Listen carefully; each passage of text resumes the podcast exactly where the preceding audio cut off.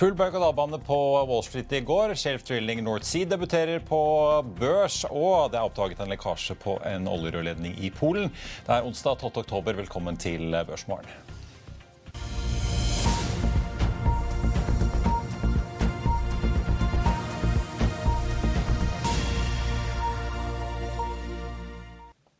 Og igjen, Riktig god morgen og velkommen til Børsmorgen med meg, Marius Lorentzen, og aksjekommentator Karl Johan eh, Målnes.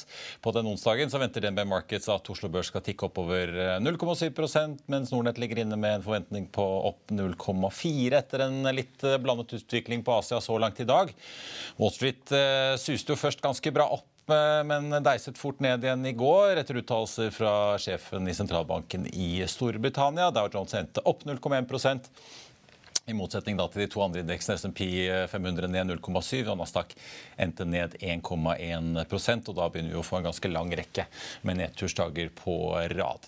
Vi begynner å få litt kvartalstall denne uken, særlig da i USA. JP Morgan er en av de som kommer. Flere andre banker kommer også, og ikke minst PepsiCo, som kommer allerede i dag. Og så får vi også ta en titt på oljeprisen, som jo har ligget ganske stødig over 90 dollar etter at OPEC da eh, først oppetrappet til OPEC-møtet, og så beslutningen om å kutte to millioner fat. Nordsjøen ligger nå på 94,75, opp en eh, prosent omtrent eh, fra i går. Og nå på morgenkvisten så har det kommet eh, melding fra det polske rørledningsselskapet Pern om at lekker i rørledningen Druzjba, som frakter olje fra Russland til Europa. Og Det er det Reuters som melder. Lekkasjen skal ha blitt oppdaget i går kveld. Årsaken er ikke klar, og lekkasjen skal ligge omtrent 70 km fra byen Plokk, sentralt i Polen. Og Dette følger vi selvfølgelig med på så da på F1 og utover dagen. Men det er jo verdt å nevne da det nå ikke er lenge igjen til Europas oljeembargo av Russland trår til for fullt i desember. Og For de som følger med på sjømat i dag, så er det endelig får vi si, tid for den forsinkede auksjonen for tillatelser på laks, ørret og regnbueørret, som det så fint heter, for 2022. Sjømatindeksen på Oslo Børs er jo ned 33,3% den siste måneden, og nesten det samme så langt i år, da etter denne skattebomben som kom fra regjeringen like før statsbudsjettet. Det var i 2020 at man forrige gang kjørte en auksjon, og den gangen endte man på rundt 200 kroner kiloet, ifølge Arctics analytiker Aksel Jacobsen. Han mener at lisensverdien pengene denne gang i auksjonen bør ca. halveres, da gitt eh, den nye skattepakken. Han påpeker at staten eh, siden 2018 nesten har fått inn 10 milliarder kroner fra disse auksjonene, og mener at eh, det la an til at bransjen ville hoste opp rundt 4 milliarder denne gangen uten skattepakken. Men staten da regner at selskapene vil ende med en regning på rundt 3,8 milliarder i året med den nye skattepakken, så har Arctic regnet seg frem til rundt 8.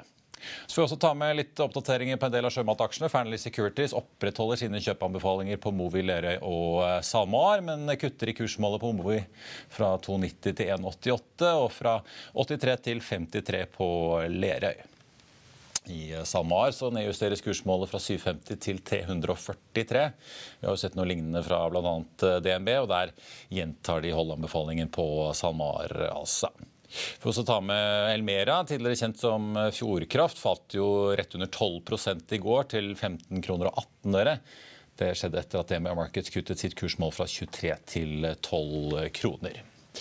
Og så ønsker vi Shelf Drilling North Sea velkommen til Oslo Børs. får vi si. De debuterer på Aunex Growth i dag. DNB Markets og Sparebank1 Markets er eh, hyret inn som rådgiver og største eier. Shelf Drilling eh, er jo eh, på egen hånd opp over 100 så langt i år. Noteringen i dag den kommer etter at Jon Fredriksens landriksselskap Noram kom på børs på fredag. Og Apropos Fredriksen-systemet, han var jo lenge stor i Sidril. Sidril-aksjen skal tas opp til handel igjen på New York-børsen da rundt eh, fredag, litt avhengig av eh, om alt faller på plass som det skal. Karl Johan, eh, jeg tenkte kanskje vi skulle begynne litt uh, kjapt med Vår Energi, som hadde sin verste børsdag. De kom jo på børs uh, tidligere i år, men også etter denne nedjusteringen av guidingen som vi fikk på morgenkvisten i går, så hadde de sin verste børsdag uh, noensinne. Endte ned 9,6% ganske surt. Nå ser jeg både Nordea, Sparbank Markets og Goldman Sachs alle ute og tviker litt mer på kursmålene sine. Ja, men de andre oljeaksjene falt jo med 4-5 da, så det det var jo en, eh, det var en dårlig, dag, dårlig dag å komme med dårlige tall på. Ja. ja. Uh, en annen aksje mange følger med på, Quantafuel, melder fra at de har hyret inn rådgivere. ABG har hyret inn. Ja, det er jo positivt, for da får man jo en full gjennomgang på det som skal skje. og de har jo en rekke planer om å, å liksom gå fra pilotanlegg eller sånn mellomskalaanlegg til å ha store anlegg. Og Med de strømprisene som er nå, så er det kanskje verdt å ta en pust i bakken og tenke seg litt om før man gjennomfører store investeringer, selv om du har strategiske partnere som BASF og, og uh, British Petroleum, og, og du ja, har eiere som Lego. Periode, ja. ja. så du har uh, uh, Så er det veldig greit å tenke nøye gjennom hva man gjør før man setter i gang. og så det er jo positivt da for aksjonærene at man ikke bare kjører på og bruker masse penger, for da går det veldig galt. Ja, for de hadde jo Først bygget jo dette anlegget i Skive ja. til denne plastgjenvinningen, og så har de satt i gang med sorteringsanlegg er de, eh, Esbjerg, jeg husker ikke helt eh, byen, også i Danmark. Ja. Eh, hva tror du dette potensielt kan ende i for Kvantafull nå, da? Det vet jeg ikke, men, men at, man, at, man, tar en full gjennomgang er positivt. At man stopper opp og tenker seg om hva man skal gjøre. For det er jo energiintensivt, dette her. Ja. En aksje som utvilsomt har fått seg mye juling eh, siden toppen. Eh, på Aronex Growth-bølgen. Eh, litt sånn eh, torskenytt, får vi si det også? Ja. Landstrøm, landstrøm til Norcod. Og det er, jo, det er jo interessant, dette. fordi Eh, det er jo veldig vanskelig for oss å tilføre noe, noe kompetanse på laks. Da, der det er to aviser som dekker dette fullt ut, og eh, så mange eksperter. Vi kan ikke så mye om det. Men, men, men torsk da, det er, jo, det er, jo, interessant at de har klart å temme den, for det er jo en ganske aggressiv fisk. da, Jeg har jo erfaring fra før den tiden da laks, torskeprisen var lav og det var litt mindre volumer. Vi hadde jo torskekvote på 100 eh, tonn, og det var jo det var ikke alltid man tok turen til å gå til byen. Så prøvde å sette de ut da, i, i, i, i, i nøter. Eh, der er det noe lakseoppdrett der det var gjort. Da, og Det viste seg fort at torsken bare spiste seg gjennom nota. Men det, ja, det, men det viste seg liksom, jeg tror man har gått sju, det er sju generasjoner med torsk tror jeg man har gjennom oppdrett, som gjør at man har tatt bort eh, det. Altså, man har liksom temma torsken. Så det er uh, temma torsk, dette her. Det er ikke villtorsk, for det er da den spist seg gjennom eh, garnet. Altså, for den er veldig aggressiv er jo kannibal, spiser jo mindre torsk. Så er, det er ikke så lett. Men det har de altså klart. da. Så det er jo, ting tar tid. og eh, dette har de kontroll på. Og det er klart torsk, jevn forsyning av torsk er jo Laks er godt, det, men uh, torsk er enda bedre. Altså. Så hvis man klarer det, så er dette her kanonbra. det. De får passe seg så ikke de gjør det for bra, så kommer det kemneren etter de òg. Ja. Eh, et par andre ting eh, fra spøk til alvor. Eh, Gram Car Carrier søker seg opp eh, på hovedlisten, som vi har sett en del andre selskaper også gjøre det siste. Begynner å bli voksne, de òg. De er jo etter en litt sånn eh, vi var ikke helt heldige med børsintroduksjonen, måtte utsette litt noteringene og sånn, men så har jo aksjen gått som en kule. Ja, det, det, jeg tror ikke det har vært noe problem for dem. Eh, det er ikke noe problem å være på Euronex Growth når du gjør det så bra som de har gjort det. Så det jeg tror ikke de vil merke noen stor forskjell. Ja. Jeg tror ikke de vil merke noen stor forskjell. Så har TGS uh, har dratt i havn Magseis-kjøpet ja. sitt, om dog ikke så stort som de hadde håpet på. Kanskje like mange aksjer som de hadde håpet på. Ja. Nei, det er 75 da, det er jo det de ser ut til å få. Da. Så da kan vi jo si at en, eh, en 75% oppkjøp det blir da et mag-sized oppkjøp for de som tar den. Vi skal ta inn uh, dagens gjest. Uh, bare tenkte jeg skulle ta med hovedveksten. Åpner opp uh, 0,3% fra start. altså. Så skal vi også holde et øye med alle disse ulike selskapene som har kommet med litt nyheter på morgenkvisten. Vi er tilbake rett etter dette. La oss i Finansavisen hjelpe deg med å holde deg oppdatert på alt som skjer i finans og næringsliv. Hver morgen er jeg, Marius Lorentzen, og aksjekommentator Karl Johan Målnes på plass i studio for å ta tempen på dagens marked i Børsmorgen. På ettermiddagen oppsummerer vi alt du trenger å vite i økonominyhetene, og så får vi selvfølgelig besøk av masse interessante gjester. Du finner oss på fa.no-tv, eller ved å søke opp Børsmorgen og Økonominyhetene der du hører på podkast.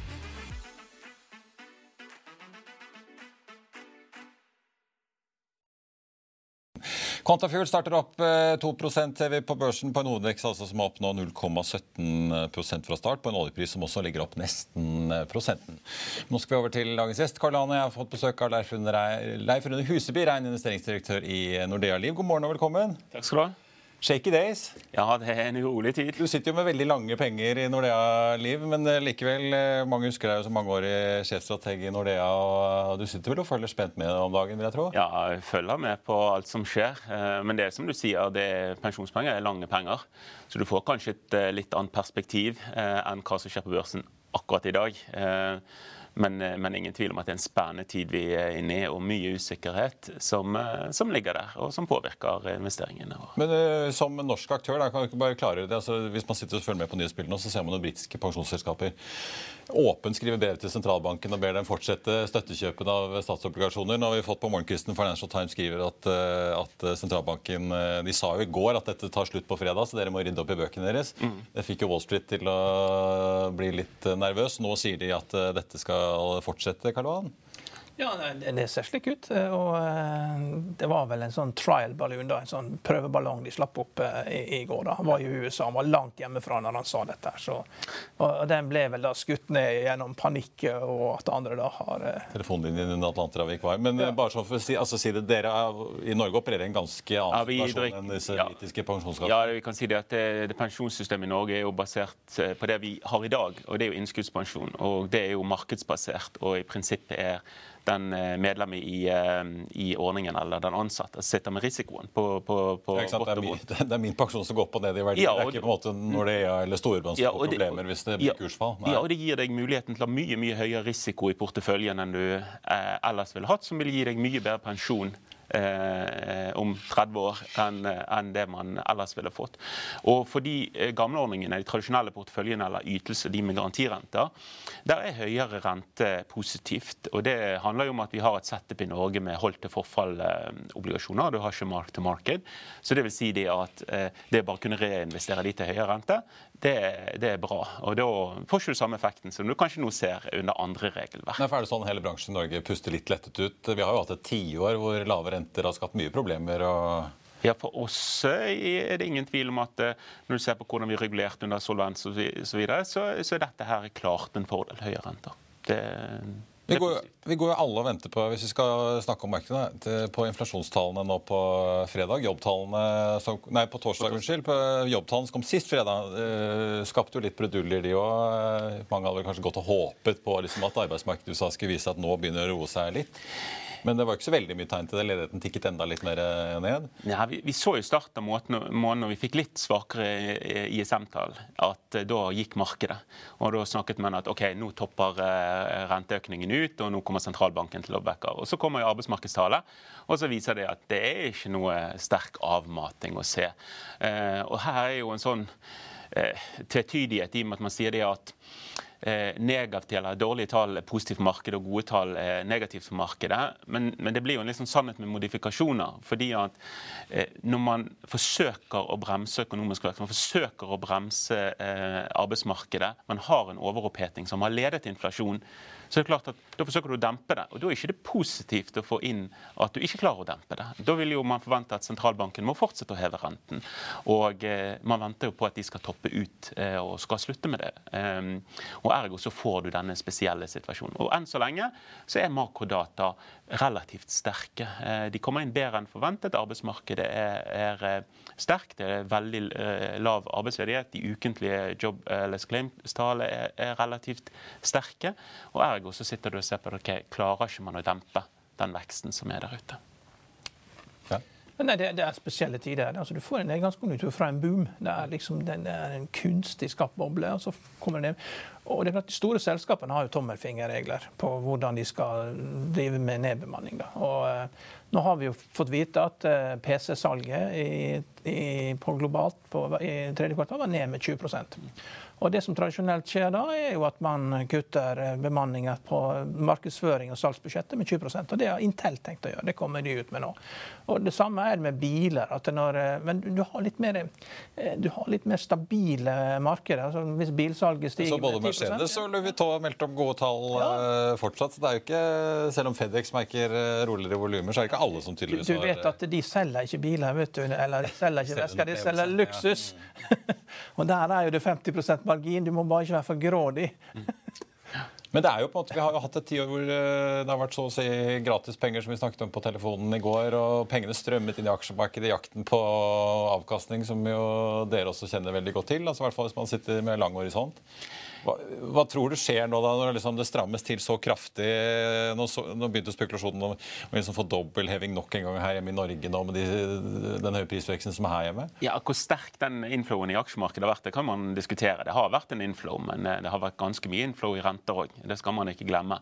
Så det er ikke en sånn ensidig risikoflow som man har sett i, i, i markedet.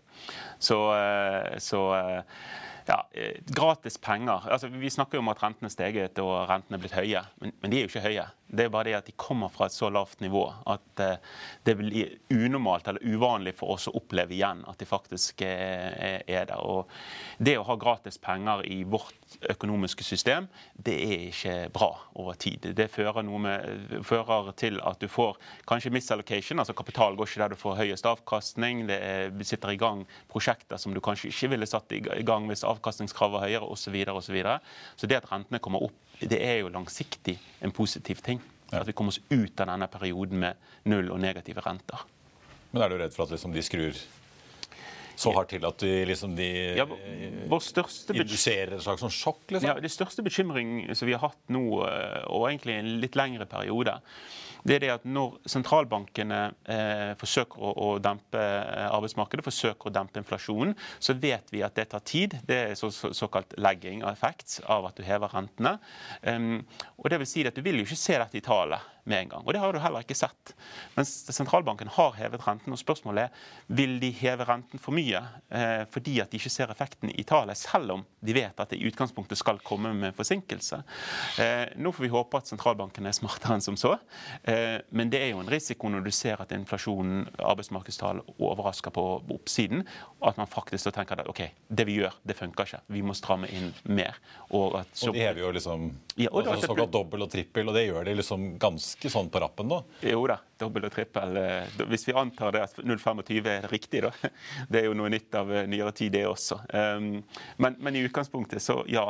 At det rett og slett blir for sterk medisin. At uh, vi har jo hatt en lang lang periode vi har snakket om secular eh, stagnation og savingsglut, om hvorfor vi ikke tåler høye renter. Eh, så får vi jo testet nå da, eh, hvordan, hvordan det er. Men det, når du begynner å liksom summere opp disse renteøkningene som har skjedd bare det siste året, da begynner, det, liksom, da begynner det å bli en god del som har blitt gjennomført på ganske kort tid? Ja, Sist søkte man renten med 1 på ett år, og da fikk man uh, taper tantrum. Og nå er vi på vei mot 4% på 18 måneder til to år. og og jeg hørte noen som begynner å snakke om 5% rente for å få altså Det er første gang jeg hørte at man må liksom opp og lukte på femtall for å få stoppe dette. For det virker ikke som at du får ned inflasjonen raskt nok. Du, Du, vil likevel ha så mye negative realrenter at er, du må virkelig stramme til på likviditetseffekten. Og Det er mange selskap som kommer til å få problemer med det. Det er jo det er så mange zombieselskaper der ute som uh, ikke tjener penger. og uh, det er mulig det at det er den veien man må gå. altså At det ikke bare er de store selskapene som nedbemanner, men veldig mange av de små må liksom De må vekk, rett og slett. Det må frigjøres arbeidskraft for at dette skal gå opp. Ja, altså rett og slett kjøle ned? Ja, og igjen, Det er jo det sentralbanken uh, forsøker å gjøre. Uh, når de hever renten og forsøker å kjøle ned økonomien, så betyr jo det i prinsippet at arbeidsledigheten skal opp. Uh, det er det man forsøker å få til. Og Utfordringen er jo hvis du ikke ser den effekten, at de da strammer eh, til for mye. Eh, og Det er, det er vanskelig, fordi at eh, til tross for at det er mange selskaper som nok har sine utfordringer, så er det også en ganske solid eh, eh, altså Veldig mange selskaper er i en ganske solid stilling. De har god inntjening, eh, de har helt håndterbar gjeld osv. Eh, de har sterk etterspørsel etter sine produkter. Eh, mange av de har prisingsmakt. Du ser jo, altså Inflasjon er jo at selskapene setter opp prisene sine. Eh, så det ser du. Og så lenge du ikke eh, salget ditt stuper, så vil jo det finnes mange vinnere i denne situasjonen her også. Som faktisk ikke vil føle de at selskapene sine, sine, er presset i det hele tatt. Ja, Det er vel litt som Apple. De har tjent på å selge flere iPhones, men veldig mye av det er at bare prisene på disse telefonene har gått veldig mye opp de ja. siste ti årene. liksom. Ja. Og det blir bunnlinja av det. Ja. Men venter du mange flere resultatvarsler? Hva er egentlig forventninger til resultatsesongen som kommer nå, da? Ja, vi har... Så Goldman Sachs var ute tidligere i uken og sa at ja, det blir fortsatt gode tall i Q3. Nå, fordi Før sa de at Q3 ble, kan bli svakt. Nå har de skjøvet det estimatet der til sånn Q4, Q1. Men alle sier at de følger med på guidingen som skal komme ja. nå i disse rapportene? Ja, og det har vi sagt en stund. fordi at eh, Vi har vært gjennom en periode etter covid hvor man hadde tatt ned inntjeningsforventningene voldsomt, og så overrasket kvartalstallene helt helt hinsides i positiv retning. Og så har det blitt positivt eh, overrasket hvert kvartal nå når du ser på amerikanske børsen, men lavere og lavere. Og sist, eh, sist kvartal, eh, da hadde vi vel en 2-3 bedre inntjening enn det som var forventet. Noe som er mye lavere enn de kanskje 10 pluss, og faktisk mye mer enn det du så i kvartalet før. Og Det er jo et spørsmål hva skjer denne gang. Eh, finanssektoren som kommer først, er litt spesiell. Fordi at etter covid så tok man og satt av mye eh, tapsavsetninger som ble tilbakeført i fjor. Og Ergo så ser det ut som man har veldig dårlige resultater i finanssektoren nå, men det er jo en konsekvens av at du ikke får tilbakeføringene eh, som du gjorde i fjor. Sammenligningen mot fjoråret blir tøff, liksom? Ja. ja. Og Ergo så er det en av de sektorene som forventes globalt sett å ha en negativ inntjeningsvekst i år. Um, eh, så det blir nok kanskje ikke den sterkeste starten på inntjeningssesongen. Men hvis det går som normalt, så er forventet inntjening i USA nå eh, litt over 4 eh, på kvartalet. Og det pleier å bli slått med sånn 2-5% Det pleier ikke å være så ekstremt bra som det har vært i de kvartalene vi har lagt bak oss. Så hvis vi kommer inn der, så får du fort en 7-8 inntjeningsvekst i den situasjonen vi er nå. Og i så fall så tror jeg eh, markedet vil være relativt happy med det. Ja. Men du følger kanskje spent med på hva de sier om jo, men igjen, Times Ahead? Jo, men igjen, hva har vi hørt de siste siste rapporteringssesongene, det er jo det at det blir vanskeligere. Så jeg vil jo overraske meg hvis det ikke er det de sier. Hvis de sier ut og sier det at nå, nå ser vi bare oppside og vi har god prisingsmakt og vi ikke føler noe press fra finansieringen sin, så blir jeg veldig overrasket. Mm. Eh, og det tror jeg markedet blir òg. Jeg tror forventningen er at de skal gå ut og si det at det ser eh, vanskelig ut fremover. Det blir jo spennende. Vi har jo fått liksom AMD, Samsung, selvfølgelig da FedEx og Ford. Vi har fått Telenor her hjemme. Vi har jo en god del som har varslet om at uh, ting blir tøffere. Det bruker jo å ta et år da, fra til virkning. Så det, det kan hende det kommer til å virke veldig sterkt, dette her. Så ja. Det er jo det beste håpet for markedet, det er jo at medisinen er så sterk at du får bare en flush, og så kan man begynne på nytt igjen. Eh, for seigpining er ingen som liker. Ta plasteret med en gang. ja. Hva må du se på inflasjonen i USA før du liksom tenker at nå begynner å bikke nedover? Nei, altså Hvis du får et par måneder hvor det faller ja. Nå er det jo forventet at det skal komme litt lavere inn i, morgen enn det var. Men kjernen opp da fortsatt? Ja. Jo, jo. Men, men altså, likevel, det er liksom forventninger til at du topper ut. sant? Og det er klart at det vil jo være et positivt signal på markedet hvis du får det et par eh, par eh, eh, måneder på rad. Men igjen, så hvis vi kommer tilbake igjen til arbeidsmarkedet og sånt, og de ukentlige jobbtallene, sånt, det er jo ikke noen sånn veldig sånn tydelig trend på svekkelse ennå. Eh, så det kan være at vi må leve med den inflasjonen høyt eh, litt lenger enn kanskje det man er komfortabel med, og ergo den risikoen for sentralbanken gir for mye medisin.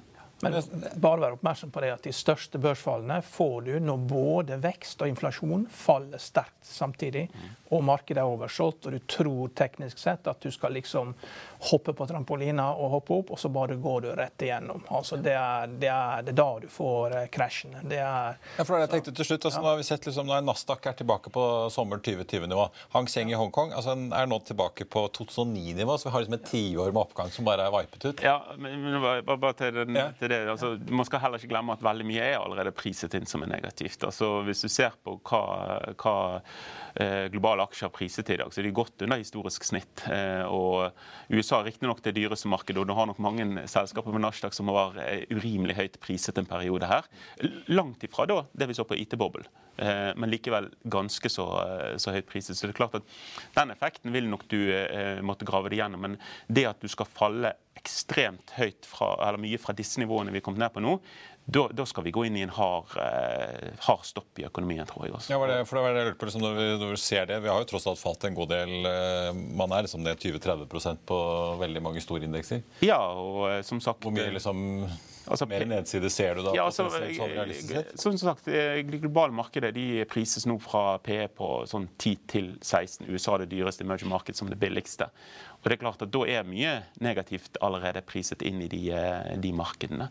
Så gitt at du ikke får en hard stopp i økonomien, så altså Hvis du får en mild resesjon, så, så, tror jeg det meste er priset inn her. Men jeg ser jo på Taiwan Semiconductor. Jeg så aksjen var ned med 11 da, og Så gikk jeg og sjekka. Og, og estimatene ligger jo veldig langt bak. da. Så man ser jo på tall som er veldig gamle. Da. Så ser ut til å ha PE10. da. Men uh, P10 er noe av det farligste aksjen du kan kjøpe. Da, da lurer du deg sjøl. P10 på peak earnings. Så det neste som kommer i løpet av neste år, så sannsynligvis halverer earnings seg. Og, og, og, da er det panikk. ikke sant? Og da, da, halverer den aksjen seg også. Selv om at det er en populær aksje, og alle elsker selskapet, alle er kunder av det, og uh, det er superpopulære produkter, så uh, det er liksom ikke immunt mot konjunktur. Konjunkturene drar liksom alt ned. Det er det som er det elendige med det. Det er liksom ingen steder å gjemme seg. Ja, jeg, det er sjoa-rafting. Det er spesielt, spesielt, når du ser, spesielt, spesielt når du ser på enkeltselskaper, så vil du definitivt gjøre det. Men når du ser på markedet og ser på historikken, så vil det være vinnere her også, mm. eh, som, som, får oppsiden. Og det er klart at der markedet antageligvis snur, eh, og da kan det fort bli mye eh, dyrere enn det er i dag. Eh, det er når man tror at, at rentene har pikket ut, at man har fått medisin og man tenker det at OK, dette her. Og da har man sett mange ganger før, med noen hederlige unntak, sånn som finanskrisen f.eks., at veldig mange er utrolig negative. Vi ser jo det på alle sentimentindikatorene. De har eksempler som det her, og det er doom and gloom, og så begynner markedet å gå. Og så blir det dyrt, og så kommer inntjeningen etter det er en sjokkopplevelse når du er på rafting. sånn en stund siden jeg var det. Altså, men, men, men førstemann det første man faller ut, og så tenker du det at ja, nå mister vi jo han, da. Så bare ser du han driver forbi deg. I vannet. I vannet. Og det var den veien, ja. ja.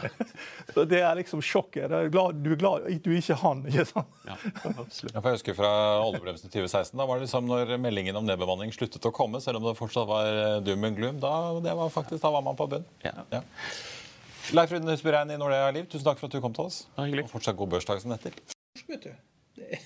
Nå sitter Karl Johan og snakker om at det er veldig få som har smakt eh, fersk eh, torsk her. For jeg skulle akkurat til å si at Norcod altså opp 4,9% etter meldingen om at de har fått koblet til første, land, første anlegg på strøm. Altså, Hvis man lykkes med torskeoppdrett, det er jo ikke noe som har noe større potensial. For de aller fleste har ikke smakt fersk torsk. Altså, reiser, det har jo vært vanskelig å få til. Når du, når du, altså, det, er, det bra torsk, den frosne torsken som er den er bra, da, men mye annet. Sant? Det er jo torsk som har lagt, og blodet går ut i kjøttet, og det blir grått. og og, og Enkelte steder så er jo fisk i New York f.eks. Det, jo, det skal jo smake vondt. Det er medisin. ikke sant? Det skal jo smake vondt. Det er grusomt. Det skal være sunt. Ja, ja det skal være sunt, og det skal smake vondt. Så, det, så hvis du får til det, potensialet helt enormt. Helt enormt. Quantafuel, eh, som jo har hyret inn eh, ABG for å få litt hjelp med å finne en struktur på livet, får vi si, ned 1,4% nå. Sjømatindeksen på Oslo ned 1,3, så ikke så hyggelig som i torskeoppdretten der, altså. TGS som melder om at de nå har ferdigstilt oppkjøpet av Magsize, så de fikk inn 75, 75 ja. ja.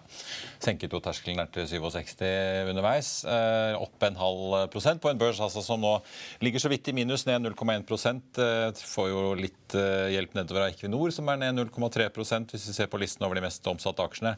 Ellers så er både Vår Energi og Aker BP opp rundt prosenten eh, nå fra start. Det samme er Rex Silicon og PGS, DNB litt ned. Eh, og så får vi jo også da ta med noen av disse store sjømataksjene. SalMar ned 1,6% fra start. Movi ned to blank, altså på ja, halvveis ut i børsuken. Nordsjøoljen ligger inne fortsatt opp over halvprosenten til 94,40. Og Det var børsmålen for denne onsdag 12. oktober. Husk å få med deg Økonominyhetene klokken 14.30. I mellomtiden så får du siste nytt på FA.no gjennom hele dagen, inkludert da meldingene fra Polen om denne lekkasjen i oljerørledningen der. Vi ønsker deg en riktig god dag videre. Takk for nå.